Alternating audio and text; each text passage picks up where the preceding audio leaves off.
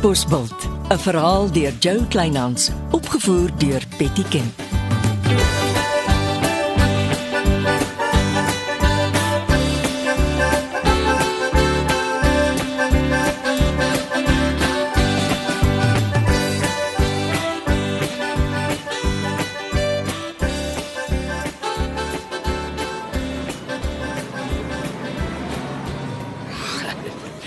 Ja, ja, ja. Raadslid Silje het die dorpenaar se noodkreet gehoor, hoor. En kyk wie's terug. Anna en haar span. Hulle gaan weer pannekoek bak laat die bissies bewe. En die goeie nuus is, die goeie nuus is, tot die einde van die maand kos die pannekoeke so min soos R2 elk. Ja, ja, ja. En dis nie al nie. Ons geliefde vroue vereniging is saam met my terug en hulle voorsien Smiddag tot die einde van die maand weer 'n gratis beker sop saam met die pannekoek. Hartlike applous vir ons vroue vereniging. Dis uh, um, Maar meer belangriker nog, liewe mense, is die veilige speelterreine wat gebou word vir ons kinders. Volgende maand wy ons ons eerste veilige speelterrein in vir ons kinders waar hulle onder goeie toesig op klimrame en wipplanke en glygeete en skoppelmaaie na hartelus kan speel tot hulle supermoeg is. Dis die berge hier Jy gebruik sowaar Shirley se voorstel om die burgemeester se donder weer te steel. Hy slag jou af. Hallo Eppo, het jy ook kom pannekoek koop? Ek het jou nie eers tussen die mense sien staan nie. Hoor jy wat ek sê? Eppo, ek en die burgemeester is so. Een in dieselfde mens, ons koppe werk asof ons 'n siamese tweeling is. Nou doen jy sommer sy werk ook Ja, terwyl maar die een hand was mos maar die ander. Moenie sê raadslid Engelbregt het jou nie gewaarsku nie. Eppokie, dis die erge diabetes wat jou so knorrig maak. Het jy ooit jou suikertelling vanoggend? My suikertelling is onder beheer. Dankie, Chrissy. Nou maar wonderlik. Ek het ernstige sake om jou te bespreek, maar nie hier nie. Kry my by Leonardo se restaurant. Ek het nog nie nat of droog oor my lippe gehad nie.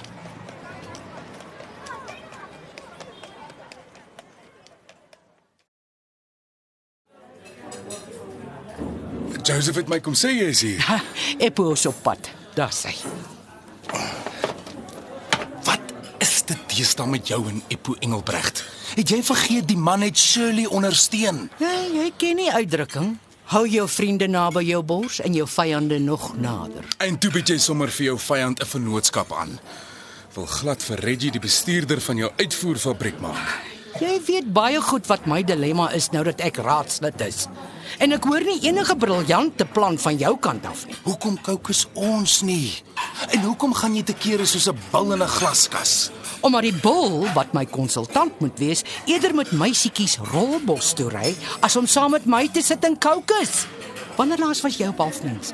Jy roep my nou die hand uit. Ek los alles ry open toe soontoe net om by die hekwagte te hoor jy is burgemeester toe. Maar as die man bel, dan bel hy en ek moet ry. jy kon darm my net gebel het, maar die trippie gespaar het. Ek het, maar jou foon was aan mekaar beset. Wat het jy toe met die versteekte kamera gemaak? Ek het die skuldige geïdentifiseer en 'n 'n saak by die polisie aanhange gemaak. En wie is die vark? Onderbreek ek iets? Uh, uh, nee, nee. Uh, Leonardo het net kom hoor of hy maar sy spesiale Karoo ontbyt vir ons kan bring. Joseph sal julle kelner wees. Uh Leonardo, ek hou van jou voorstel. Die Karoo ontbyt klink in die kol of hoe Apple? Ek hou van die Karoo ontbyt met die skaapbors. Dankie. Sit, hier sê.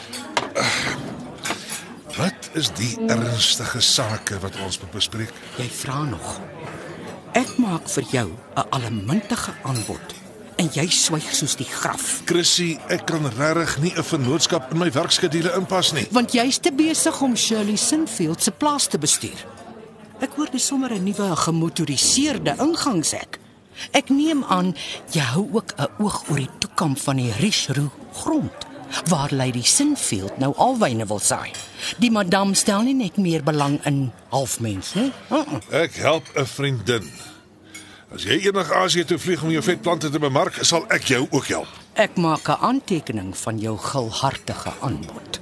Twee Karoo ontbyte met skaapwors, Ekskuus julle, dit gaan maar dol. Ag, dankie. Dankie, dit lyk en ruik heerlik. Sit gou 'n minuut.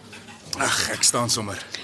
Het Brian Barkley en Lady Sinfield 'n vennootskap onderteken oor die Richroo grond? Ek verstaan so. En is jy nog by Richroo betrokke?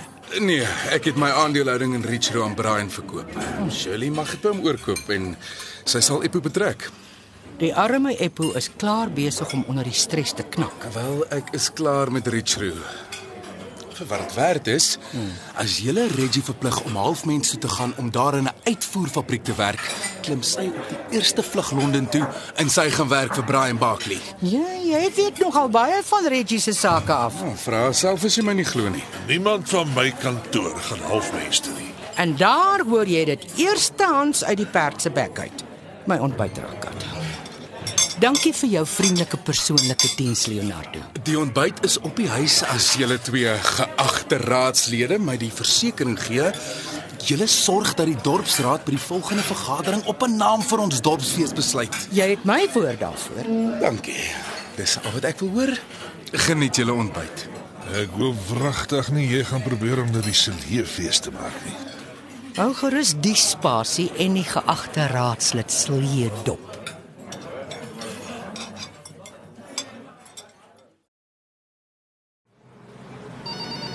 Kom sit.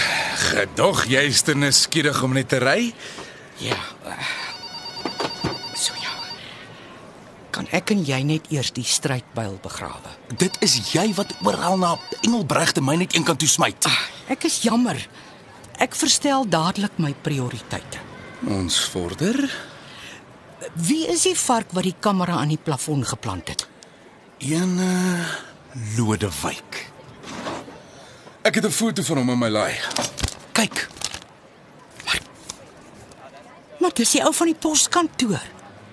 Hy het al 'n paar keer op halfmens rondgeloop omdat daar foute is met my telefoonlyne. Ag, toe nou, oudste triek in die boek. dis hoe sulke skelm spioneer. Ek weet jou, Lodewyk het begin fout soek op halfmens nadat jy met jou uitvoerfabriek begin het. Hy het. Jy's reg. Ek sê jou, Lodewyk beweeg saam met Monique. hy werk waarskynlik vir haar. Hulle twee het saam by my restaurant opgedag. Maar dit is nooit anders nie. Ek moes geweet het dis die hekelfiks wat agter al sit. En dit beteken Monique weet dis jou brandkluis wat in my kantoor staan. Maar hoe het sy uitgevind? Het Simon Slotmaker nie dalk uit sy beerd gepraat nie. Ek hoor die man hang gereeld in 'n kroeg op die dorpsplein rond. Ja, Ek onthou baie goed. Dis die dag toe die bakkie op halfmens weg is.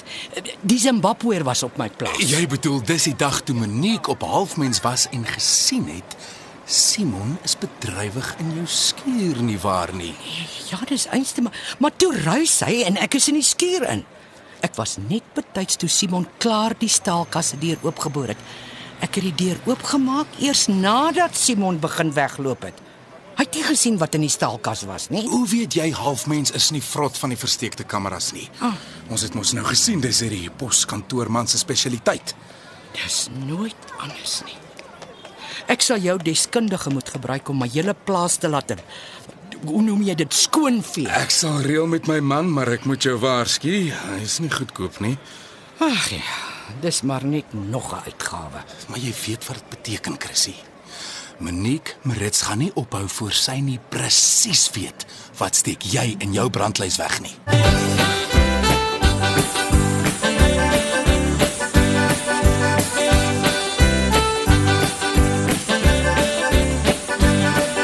Dit was Katbosveld deur Jo Kleinhans. Die tegniese versorging is deur Marius Vermaak. Katbosveld word vervaardig deur Betty Kemp saam met Marula Media.